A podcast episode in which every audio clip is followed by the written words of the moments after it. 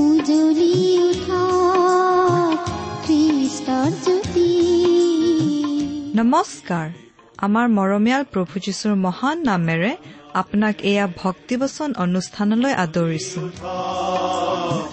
খ্ৰীষ্টৰ জ্যোতি।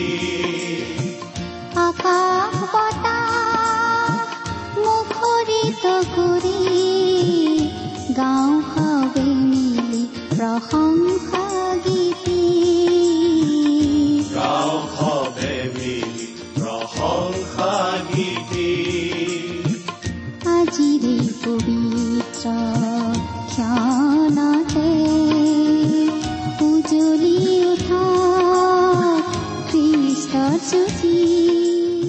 ঈশ্বৰে আপোনাক যি অসীম প্ৰেম কৰিলে তাক যদি অনুভৱ কৰিব বিচাৰে আৰু তেওঁৰ অগম্য বাক্যৰ মৌ মিঠা সোৱাদ ল'ব বিচাৰে তেন্তে আহক আজিৰ ভক্তিবচন অনুষ্ঠানটো মনোযোগেৰে শুনো। এয়া আপোনালৈ আগবঢ়াইছো ঈশ্বৰৰ জীৱন্ত বাক্যৰ অনুষ্ঠান ভক্তিবচন। আমাৰ পৰম পবিত্ৰ প্ৰভু যীশুখ্ৰীষ্টৰ নামত নমস্কাৰ প্ৰিয় শ্ৰোতা। আশা কৰো মহান পিতা পৰমেশ্বৰৰ মহান অনুগ্ৰহত আপুনি ভালে কুশলে আছে। প্ৰিয় শ্ৰোতা আপুনি যে আমাৰ এই ভক্তিবচন অনুষ্ঠানটো শুনিছে তাৰ দ্বাৰা আচলতে ঈশ্বৰৰ প্ৰতি থকা আপোনাৰ শ্ৰদ্ধা ভক্তিৰ কথাই প্ৰকাশ পাইছে। সেই মহান ঈশ্বৰৰ মহান বাক্য বাইবেল শাস্ত্ৰৰ সহজ সৰল অধ্যয়নেই আমাৰ এই ভক্তিবচন অনুষ্ঠানটোৰ উদ্দেশ্য। এই অনুষ্ঠান শুনি আপুনি বাৰু কেনে পাইছে? আপুনি আপোনাৰ মতামত আদি জনাই আমালৈ চিঠি লিখিবচোন। যদিহে আপুনি আমাৰ নিয়মীয়া শ্ৰোতা কিন্তু কেতিয়াও আমালৈ চিঠি পত্ৰ লিখা নাই তেনেহলে আজিয়েই দুখাৰিমান লিখিবচোন। আৰু যদিহে আমালৈ মাজে সময়ে চিঠি পত্ৰ লিখি আছে তেনেহলে লিখিবলৈ যেন এৰি নিদিয়ে। আমাৰ ঠিকনা ভক্তিবচন টি ডব্লিউ আৰ ইণ্ডিয়া ডাক বাকচ নম্বৰ সাত শূন্য গুৱাহাটী সাত আঠ এক শূন্য শূন্য এক। Bhaktibachan T W R India postbox number seventy Guwahati seven eight one zero' zero' one আমাৰ website W W W dot radio' eight eight two dot com প্ৰিয় শ্ৰোতা আপুনি বাৰু আমাৰ এই ভক্তিবচন অনুষ্ঠানটো নিয়মিতভাৱে শুনি আছেনে? আপুনি বাৰু আমাৰ আগৰ অনুষ্ঠানটো শুনিছিল নে যদিহে আপুনি আমাৰ অনুষ্ঠানটো শুনি আছে তেনেহলে আপুনি নিশ্চয় জানে যে আমি আজি কিছুদিন ধৰি বাইবেলৰ পুৰণি নিয়ম খণ্ডৰ আমোচ ভাৱবাদীৰ পুস্তক নামৰ পুস্তকখন অধ্যয়ন কৰি আছো। নহয়নে বাৰু? আপুনি বাৰু যোৱা অনুষ্ঠানটো শুনিছিল নে? যদিহে শুনিছিল তেনেহলে আপুনি এই কথাও জানে যে আমি আমোচ ভাৱবাদীৰ পুস্তকৰ ছয় নম্বৰ অধ্যায়ৰ এক নম্বৰ পদৰ পৰা চাৰি নম্বৰ পদলৈকে আলোচনা কৰি ইছৰাইলৰ উত্তৰ ৰাজ্যৰ ইছৰাইলৰ সন্তানসকলৰ গোটেই জাতিটোৱে আচৰণ কৰা তিনিটা পাপৰ বিষয়ে আলোচনা কৰিবলৈ আৰম্ভণ কৰি ইছৰাইলৰ ৰাক্ষসৰ নিচিনা স্বভাৱ আৰু অবৈধ যৌন সম্ভোগৰ বিষয়ৰ এই প্ৰথম জাতীয় পাপটোৰ বিষয়ে আলোচনা কৰিলো। আজিৰ অধ্যয়নত আহক আমি চাওঁহক আমোচ ভাৱবাদীৰ পুস্তকৰ ছয় নম্বৰ অধ্যায়ৰ পাঁচ নম্বৰ পদৰ পৰা চৈধ্য নম্বৰ পদলৈ। কিন্তু আমাৰ অধ্যয়ন আৰম্ভ কৰাৰ আগতে আহক আমি সদায় কৰি অহাৰ দৰে প্ৰাৰ্থনা জনাই পিতৃ ঈশ্বৰৰ পৰা আজিৰ অনুষ্ঠানৰ বাবে আশীৰ্বাদ ভিক্ষা কৰো হওক প্ৰাৰ্থনা কৰো। সৰগ্নিবাসী হে পৰম পবিত্ৰ পিতা ঈশ্বৰ আপোনাৰ নাম পূজনীয় হওক আপোনাৰ ৰাজ্য হওক সৰগৰ দৰে পৃথিৱীতো আপোনাৰ ইচ্ছা পূৰ্ণ হওক। আপোনাৰ নামৰ গৌৰৱ আৰু প্ৰশংসা হওক। আপোনাৰ মান আৰু মৰ্যাদা হওক। আমি দুৰ্বল আপুনি সবল হে প্ৰভু। ধন্য হওক আপোনাৰ নাম। আপুনি আমাৰ পিতা আৰু আমি আপোনাৰ সন্তান। আপোনাত বিশ্বাস স্থাপন কৰি আপোনাক আমাৰ জীৱনৰ পৰিত্ৰাতা আৰু প্ৰভুৰূপে গ্ৰহণ কৰাত আপোনাৰ সন্তান হবলৈ আপুনি আমাক ক্ষমতা দান কৰিলে। ধন্য হওক আপোনাৰ নাম। হে ঈশ্বৰ কোনো ধৰণৰ পাপৰ আকৰ্ষণত আকৰ্ষিত নহবলৈ আমাৰ শক্তিয়ে আমাক নুকুলায়। হে ঈশ্বৰ হে পিতা প্ৰভু আপোনাৰ শক্তিৰে আমাক শক্তিমন্ত কৰক। আপোনাৰ দাস আমোচৰ ভাৱবাণীৰ যোগেদি আমাকো সজাগ সচেতন কৰক। পাপ অপৰাধৰ পৰা আমাক ধৰি ৰাখক। পৰিত্ৰাতা প্ৰভু নাচৰতীয়া যীশুৰ নামত এই প্ৰাৰ্থনা উৎসৰ্গ কৰিলো। আমেন।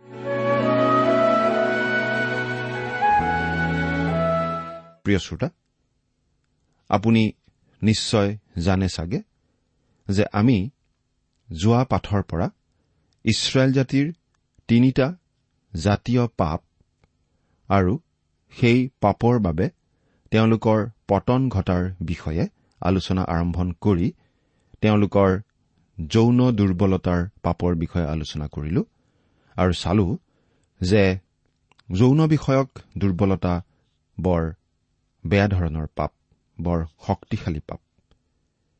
এই পাপত পতিত নহবলৈ হলে আমাক ঈশ্বৰৰ শক্তিৰ প্ৰয়োজন। ঈশ্বৰৰ শক্তি লাভ কৰিবলৈ হলে আমি তেওঁৰ লোক হিচাপে তেওঁৰ সৈতে থাকিব লাগিব। তেওঁ আমাৰ সৰগীয় পিতা আৰু আমি তেওঁৰ সন্তান হ'ব লাগিব। নহলে প্ৰতিজন ব্যক্তি প্ৰতিখন সমাজ আৰু প্ৰতিটো জাতি এই পাপত পতিত হয়। প্ৰাচীন ৰোম ৰাজ্য বোধহৈ আটাইতকৈ শক্তিশালী ৰাজ্য আছিল। কিন্তু সেই ৰাজ্য এই পাপতেই পতিত হৈ ধ্বংস হৈছিল। তাৰ পাছত ইছৰাইলৰ দ্বিতীয়টো পাপৰ কথা আমি পাঁচ নম্বৰ পদত পাওঁ। পদটো পাঠ কৰিছো শুনিবচোন। নেবল বাদ্যেৰে অসাৰ্থক গীত গাই ডায়ুদৰ নিচিনাকৈ নিজৰ নিমিত্তে বাদ্যযন্ত্ৰ সাজে। তেওঁবিলাকে সেইদিনত নতুন নতুন সুৰ ৰচনা কৰি গীত গাইছিল। আজিকালিৰ যিবোৰ নতুন নতুন সুৰেৰে নতুন নতুন ধৰণৰ গীত গোৱা আমি শুনিবলৈ পাওঁ সেইবোৰকে আমি হয়তো নতুন গীত বুলি ক'ব পাৰো। কিন্তু আমোচৰ দিনতেই তেওঁলোকে তেনেধৰণৰ নতুন নতুন গীত গাইছিল। গীতৰ ধৰণকৰণ আৰু চৰিত্ৰয়ো জাতি এটা ধ্বংস কৰিব পাৰে। আৰু আমি এইবুলি ভাবো যে বৰ্তমানে যেনেকুৱা যেনেকুৱা ধৰণৰ গীত গানবোৰ যেনেধৰণৰ ভংগীমাৰে গোৱা হৈ আছে আমাৰ জাতিটোও ধ্বংসৰ পথত আগবাঢ়ি যাবলৈ লৈছে। ইয়াত আপোনালোকৰ এই অযোগ্য দাসে যেনেকুৱা ভাৱেৰে কথাখিনি আপোনাৰ আগত কৈছো আপোনালোকৰ অনেকে কিজানি ভাবিছে? এওঁনো আধুনিক গানৰ কি কথা জানে? আধুনিকতাৰ বিষয়ে এওঁৰ কোনো ধাৰণাই নাই। নতুন গানৰ নতুন সংস্কৃতিৰ কথা এওঁনো কি জানে একোকে নাজানে? তেনেদৰে ভবাসকলে মোৰ ক্ষেত্ৰত হয়তো ঠিকেই কৈছে কাৰণ গানৰ বিষয়ে বা আধুনিক সংগীতৰ বিষয়ে হয়তো আমাৰ সিমান ধাৰণা নাই। কিন্তু অন্ততঃ আমি এই কথা ক'ব পাৰো কোনে গাইছে? কেনে আচৰণেৰে গাইছে? কি গাইছে? কাৰ পূজাত কিয় গাইছে? আৰু তাৰ দ্বাৰাই কাৰ কি উপকাৰ হৈছে? সেইবোৰৰ ভিত্তিত বিচাৰ কৰি চালে আজিৰ বহু গীতকে শুনাৰ যোগ্য নহয় যেন লাগে। আৰু ব্যক্তিগতভাৱে আমি হলে তেনেবোৰ গান শুনি সময় নষ্ট কৰা উচিত নহয় বুলিহে ভাবো। তেওঁলোকে নেবল বাদ্যেৰে অসাৰ্থক গীত গায় আৰু ডায়ুদৰ নিচিনাকৈ নিজৰ নিমিত্তে বাদ্যযন্ত্ৰ সাজে। কিন্তু ডায়ুদে গোৱাবিধৰ গীত আজি আৰু গোৱা নহয়। ডায়ুদৰ গীতবোৰ আছিল প্ৰভু ঈশ্বৰৰ গৌৰৱ আৰু প্ৰশংসা গোৱাৰ প্ৰতিভা প্ৰকাশ পোৱা গীত। আমোচৰ দিনৰ ইছৰাইলীয়া লোকসকলৰো গীত ৰচনা কৰা আৰু সেইবোৰত সুন্দৰ সুৰ দি গাব পৰা প্ৰতিভা আছিল। কিন্তু তেওঁলোকে তেওঁলোকৰ সেই প্ৰতিভা ঈশ্বৰৰ গৌৰৱ আৰু প্ৰশংসাৰ অৰ্থে ব্যৱহাৰ কৰা নাছিল। বৰং তেওঁলোকে তেওঁলোকৰ প্ৰতিভা ব্যৱহাৰ কৰি এনে গীত গান গাইছিল যিবোৰে তেওঁলোকক ঈশ্বৰৰ ওচৰৰ পৰা আঁতৰাই বহু দূৰলৈ আঁতৰাই লৈ গৈছিল। প্ৰিয় শ্ৰোতা গীত গান সংগীতে গভীৰ ভূমিকা ল'ব পাৰে আৰু মানুহৰ জীৱনত প্ৰচুৰ প্ৰভাৱ বিস্তাৰ কৰিব পাৰে। বেছি দূৰলৈ আমি যাবই নালাগে। আমি যিখন সমাজৰ সৈতে উঠা বহা কৰো যিখন সমাজৰ সৈতে একেলগে আমি আমাৰ জীৱন পথৰ বাট বোলো সেইখন সমাজলৈকে আমি চাওঁচোন। আপুনি মন কৰি ভালদৰে চাই জানক তেওঁলোকে কি গীত গাই ভাল পাইছে কেনেকৈ গাইছে কাৰ সেৱাত গাইছে আৰু তাৰ পৰা কোনে কেনেকুৱা আশীৰ্বাদ পাইছে চাব। কেইটা গীত গানত আপুনি ঈশ্বৰৰ প্ৰশংসা আৰু ঈশ্বৰৰ বন্দনা দেখা পাব? ডায়ুদ আছিল এগৰাকী মহান আৰু বীৰ ৰজা। তথাপি তেওঁ কেৱল প্ৰভুৰ প্ৰশংসাৰ গীতহে গাইছিল। আজিৰ গীত গায়ক গায়িকাসকল ৰাজ ক্ষমতাত অধিষ্ঠিত থকাহেঁতেন। কি ধৰণে কি যে নকৰিলেহেঁতেন অলপ ভাবি চাওকচোন। গীত গানৰ ভূমিকা আছে মূল্য আছে প্ৰভাৱ আছে। সেই কথা আমি মানিবই লাগিব। গীত গানৰ মাধ্যমেৰে আপুনি সৰগৰ আশীৰ্বাদ নতুবা সৰগৰ পৰা ক্ৰোধ নমাই আনিব পাৰে। গীত গানে মানুহক প্ৰগতিৰ পথত আগুৱাবলৈ সহায় কৰিব পাৰে নাইবা নৰকলৈ যোৱা পথতো পৰিচালনা দিব পাৰে। গীত গাই গাই আপুনি দেৱদূতো হ'ব পাৰে নাইবা এৰাবাৰীৰ ভূত এটাও হ'ব পাৰে। হে খ্ৰীষ্টীয় গীত গায়ক গায়িকাসকল আপোনালোকে দেৱদূতৰ নে এৰাবাৰীৰ ভূতৰ ভূমিকা পালন কৰিছে তাকে জানিবলৈ আপুনি আপোনাৰ নিজৰ বিচাৰ নিজেই কৰি চাওকচোন। খন্তেক ভাবি চাওকচোন আপুনি গীত গানৰ মাধ্যমেৰে ঈশ্বৰৰ গৌৰৱ কৰিছে নে কি কৰি আছে। তাৰ পাছত এতিয়া ছয় নম্বৰ অধ্যায়ৰ ছয় নম্বৰ পদত পাওঁ ইছৰাইল জাতিটোৰ তৃতীয় জাতীয় অপৰাধটোৰ বিষয়ে এইদৰে। বৰ বাতিত দ্ৰাক্ষাৰস পান কৰে আৰু উত্তম সুগন্ধি তেলেৰে নিজকে অভিষেক কৰে কিন্তু জোচেফৰ দুখৰ নিমিত্তে বেজাৰ নকৰে। তেওঁলোকে বৰ বাতিত দ্ৰাক্ষাৰস পান কৰে। আপোনাৰ হাঁহি উঠিব নেকি প্ৰিয় শ্ৰোতা? হাঁহি উঠাৰে কথা। কাৰণ সৰু বাতি সৰু পিয়লা আৰু সৰু গিলাচতো নহয় কিন্তু বৰ বৰ বাতিত মদ লৈ বাতিয়ে বাতিয়ে তেওঁলোকে মদ্যপান কৰিছিল। তেওঁলোক বাস্তৱিকতেই বৰ মতলীয়া প্ৰকৃতিৰ লোক আছিল। আৰু মতলীয়া শাসক আৰু নেতাসকলৰ পৰা কিবা আশা কৰিব পাৰিনে? আকৌ এইবুলি কোৱা হৈছে উত্তম সুগন্ধি তেলেৰে নিজকে অভিষেক কৰে কিন্তু জোচেফৰ দুখৰ নিমিত্তে বেজাৰ নকৰে। আমোচৰ দিনত মানুহবিলাকে কাষলতি আদিৰ পৰা ওলোৱা অসহ্যকৰ গোন্ধ আদি বন্ধ কৰিবলৈ বা আন কথাত তেনে বেয়া গোন্ধৰ পৰা ৰেহাই পাবলৈ সুগন্ধি তেল অথবা মলম আদি ব্যৱহাৰ কৰিছিল। প্ৰয়োজনত সুগন্ধি দ্ৰব্য ব্যৱহাৰ কৰাটো কোনোমতেই মন্দ কথা হ'ব নোৱাৰে। কিন্তু যেতিয়া তেনে বস্তুবোৰ চৌখিনতাৰ দ্ৰব্য হৈ পৰে আৰু সেই চৌখিনতা বজাই ৰাখিবলৈ গৈ যদি অন্যায় আৰু দুৰ্নীতিৰ আশ্ৰয় ল'ব লগা হয় তেন্তে সেইটো হ'ব পাপ। মাৰ্জিত মূল্যৰ এনে কিছুমান সুগন্ধি দ্ৰব্য আছে যিবোৰ ব্যৱহাৰ কৰিলে শৰীৰৰ বেয়া গোন্ধবোৰকো প্ৰতিৰোধ কৰিব পাৰি আৰু একে সময়তে সেইবোৰে আমাৰ শৰীৰৰ ছালৰ বাবেও ঔষধৰ কাম কৰে। কিন্তু সেই সুগন্ধি দ্ৰব্য সুগন্ধি চাবোন সুগন্ধি তেল আদি যথেষ্ট চৌখিনতাৰ সামগ্ৰীও হ'ব পাৰে। একেবাৰে আকাশত লগা দামৰ এনেকুৱা দামী দামী বস্তু থাকিব পাৰে। গীত গানেৰে যেনেকৈ পুণ্যও কৰিব পাৰি আৰু বেয়া কামো কৰিব পাৰি ঠিক একেদৰে সুগন্ধি দ্ৰব্য ব্যৱহাৰৰ ক্ষেত্ৰতো একেটা কথাই খাটে। আমি প্ৰয়োজন অনুসাৰে প্ৰসাধনৰ সামগ্ৰী ব্যৱহাৰ কৰিব পাৰো হওক তাত কোনো পাপ নাই। কিন্তু আমি সেই প্ৰসাধন সামগ্ৰী আদি কিনিবৰ বাবেই সেই লাহ বিলাহৰ বাবেই যদি জীয়াই থাকো। যদি তাৰ বাবেই আমি দিনটোৰ চৌব্বিছ ঘণ্টা চিন্তা কৰি থাকো সেয়া পাপত পৰিণত হ'ব পাৰে। কিন্তু মদ্যপান কৰাৰ ক্ষেত্ৰত সেইটো কথা নাখাটিব। কাৰণ মদ্যপানৰ সমূলি প্ৰয়োজন নাই। প্ৰয়োজন নাই কাৰণ তাৰ পৰা এক নয়া পইচা মূল্যৰো উপকাৰ নাই।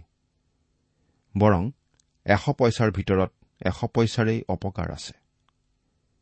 আৰু ইয়াৰ পৰা হোৱা অপকাৰৰ মাত্ৰা ইমানেই বেছি যে ই এটা জাতিক ধ্বংসৰ গৰাহত ঠেলি পেলাব পাৰে। অবৈধ যৌনাচাৰ আৰু সম্পূৰ্ণ মাংসিক উদ্দেশ্য সিদ্ধিৰ বাবে কৰা গীত গানৰ পাপৰ লগতে এই মদ্যপান কৰা কথাটো সদায় লাগি থাকে।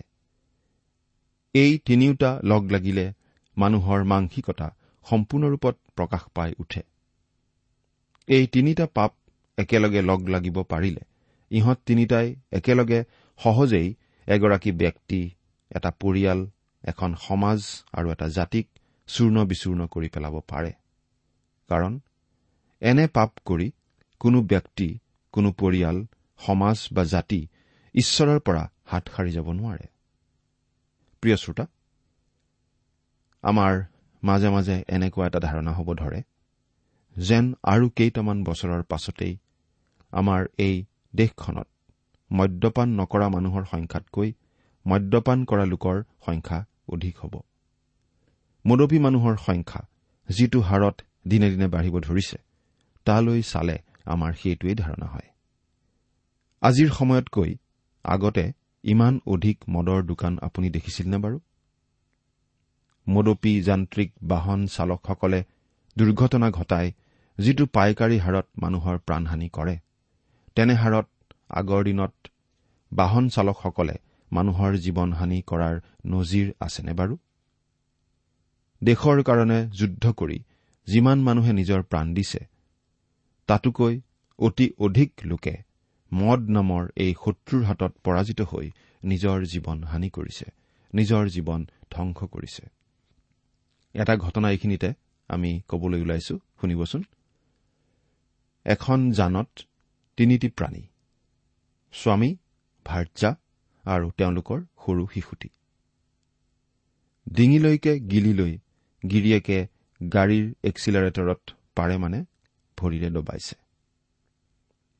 বাটৰ কুকুৰ মেকুৰী এফালৰ পৰা মহতিয়াই গৈ আছে। মাজে মাজে ঘৈণীয়েকে বিকট চিঞৰ মাৰিছে। গিৰিয়েকে নীলাজ গৰুৰ দৰে খিলখিলাই হাঁহিছে। অধিক দ্ৰুতগতিত বাটৰ কেঁকুৰিবোৰত যানখন ঘূৰাইছে। কতো সংকেতধ্বনি দিয়াৰ প্ৰয়োজন দেখা নাই। এটা কেঁকুৰিত মূৰ্খ গৰু এটাৰ দৰে যানখন ঘূৰালে। দ্বিতীয়টো কেঁকুৰিত কথম্পি সি আটাইকেইটাৰে প্ৰাণ নামাৰিলে। গতি অধিকতৰ বঢ়াই দিছে। এটা বাটকেই সি কেইবাটাও বাট যেন দেখিছে। তৃতীয়টো কেঁকুৰি পাওঁ পাওঁ হৈছে। সন্মুখত সি ৰঙা হালধীয়া বহু কিবা কিবি দেখিছে। পূৰ্ণ গতিত তৃতীয় কেঁকুৰিটোত মূৰ্খ গৰুটোৱে যানখন ঘূৰাবলৈ লৈছে কি নলৈছে তেনেতে যানখনে প্ৰচণ্ড গতিত মাৰিলে খুন্দা এচপৰা প্ৰকাণ্ড পাথৰত। ঈশ্বৰৰ অলৌকিক হস্তক্ষেপত শিশুটি মাকৰ হাতৰ পৰা যানখনৰ খিৰিকীৰে চিটিকি গৈ পৰিল বাটৰ কাষত। মূৰ্খ গৰুটো চালকৰ আসনতেই চেপেটা লাগি থাকিল। প্ৰাণৰ ভয়ত ইতিমধ্যেই পেপুৱা লগা ঘৈণীয়েকজনীৰ হাততে পাছ লাগি প্ৰাণপক্ষী তেতিয়া মানে উৰি গৈছিল বহু দূৰলৈ। নীল গগনৰ বহু শিপাৰ পাৰলৈ। তেতিয়া মূৰ্খৰ অলপ চেতনা আহিল। গাধা গৰুৰ দৰে যেতিয়া সি বেবাই বেবাই কান্দিলে। আনহাতে চৰম আতংক আৰু আঘাতত শিশুটিও যেতিয়া চিঞৰি চিঞৰি কান্দিব ধৰিলে তেতিয়াও বাটৰ কাষত ৰৈ থাকি সংঘটিত ঘটনাটোলৈ চাই চাই মনতে কৈছিল তেওঁলোকে খাইছে তেওঁলোকে ঘটনা ঘটাইছে তেওঁলোকৰ দুৰ্গতি ঘটিছে তাত আমাৰ কবলৈ কি আছে? মানুহবোৰে তেনেদৰেই কৈছিল। মানুহৰ এনে দায়বদ্ধহীন মনোভাৱৰ ফলাফলো মানুহে ভোগ নকৰাকৈ কেতিয়াও নাথাকিব। প্ৰিয় শ্ৰোতা আমি যিসকলে নিজকে মানধাতা যুগৰ ঈশ্বৰ ঈশ্বৰ বুলি থকা লোক নহওঁ বুলি ভাবো বৰং সভ্যতাৰ উচ্চ সোপানত আৰোহণ কৰিব পৰা সভ্য লোক বুলি জ্ঞান কৰো। আমি সকলে জনা উচিত যে আমাৰ আগৰ কালৰ ঈশ্বৰ পৰায়ণ ৰাজনৈতিক শাসকসকলেই আমাৰ জাতি আৰু দেশখন গঢ়ি থৈ গৈছে। তেনে জাতি আৰু দেশখনক লৈ আজিৰ আমি সভ্যবিলাকে কি কৰিছো? আমি গঢ়িছো নে আমি ভাঙি আছো? ইছৰাইল জাতিৰ যৌনাচাৰ নৈতিকতাবিহীন আৰু অৰ্থহীন গীত গান ধ্বংসাত্মক মনোৰঞ্জন আৰু মদ্যপান। এই তিনিটা পাপে ইছৰাইল জাতিটোৰ পতন ঘটাইছিল। পতন ঘটিব বুলি আমোচ ভাৱবাদীয়ে কবৰ দৰেই অচুৰীয়াসকলৰ হাতত পৰাস্ত হৈ ইছৰাইলৰ উত্তৰ ৰাজ্য ধ্বংস হোৱাৰ উপৰিও অনেক লোক বন্দী হৈ অচুৰলৈ দেশান্তৰ হৈ যাবলগীয়া হৈছিল। মদ নাৰী আৰু সংগীত। এই তিনিটাৰ মোহত মচগুল হোৱা যি পাপ সি দেশ আৰু জাতি ধ্বংস কৰা পাপ। এই পাপবোৰৰ কথা আপুনি যেতিয়া ভাবে তেতিয়া মানুহৰ অন্তৰৰ কথাটো কি চাইনে প্ৰিয় শ্ৰোতা? মদ নাৰী আৰু সংগীতেই কেৱল কিয়? গোটেই জগতখনকো যদি অন্তৰত সুমুৱাই লোৱা হয় তথাপি মানুহৰ অন্তৰখন সন্তুষ্ট নহয়।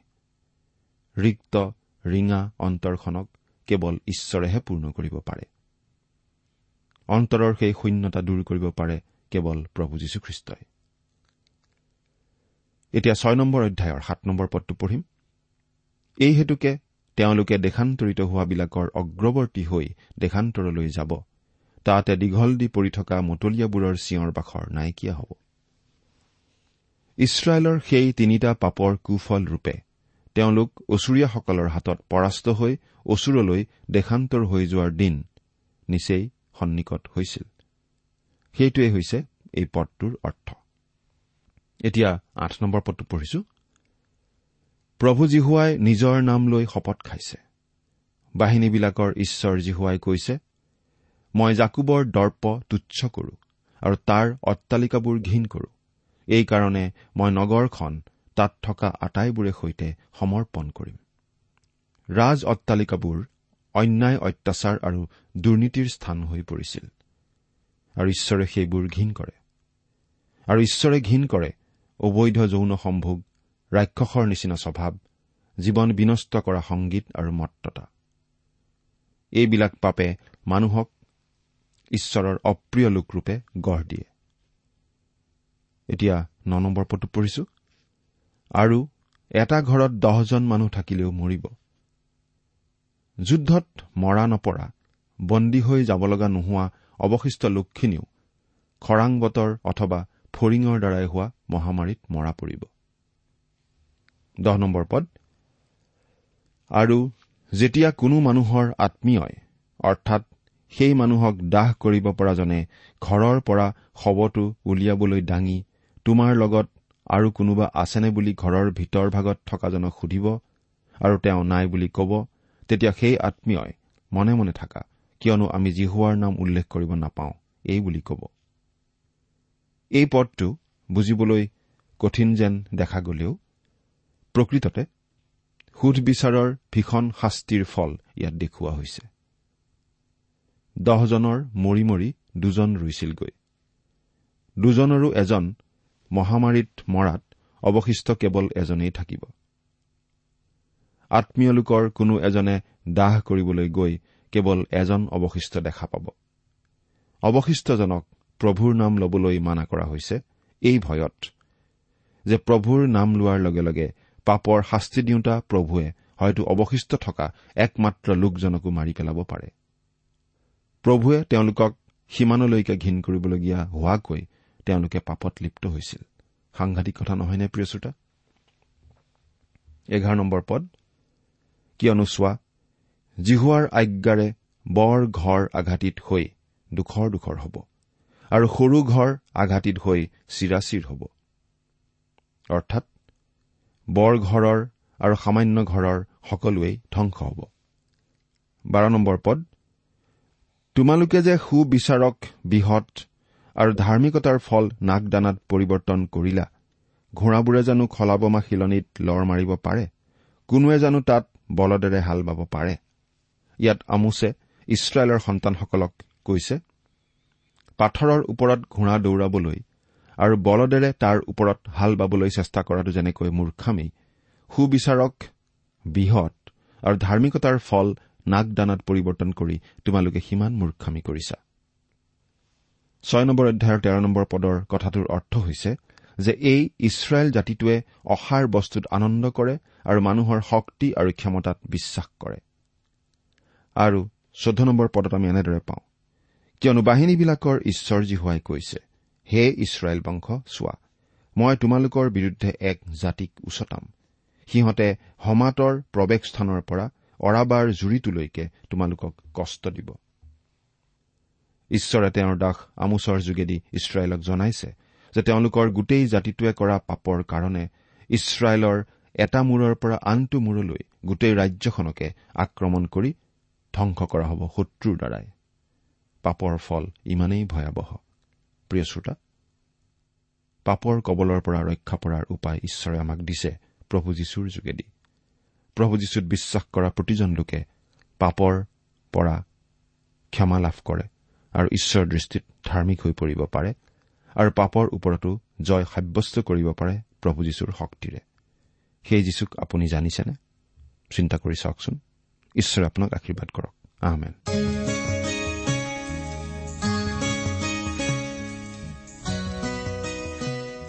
ইমান পৰে আপুনি ভক্তিবচন অনুষ্ঠানটি শুনিলে।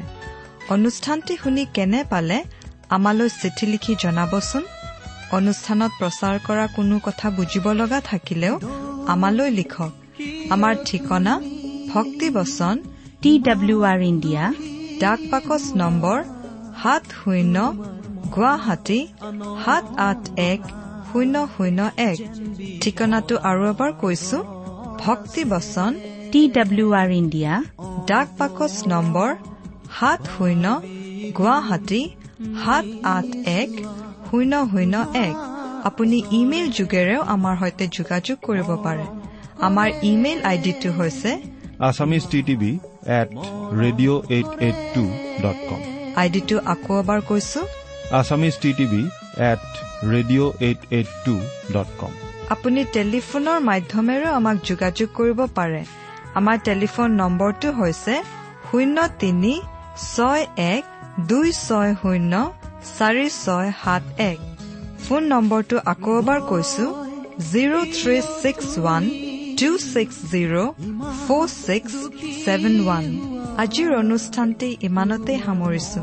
ঈশ্বৰৰ শান্তি আৰু অনুগ্ৰহ আপোনাৰ লগত থাকক। ধন্যবাদ। আগৰ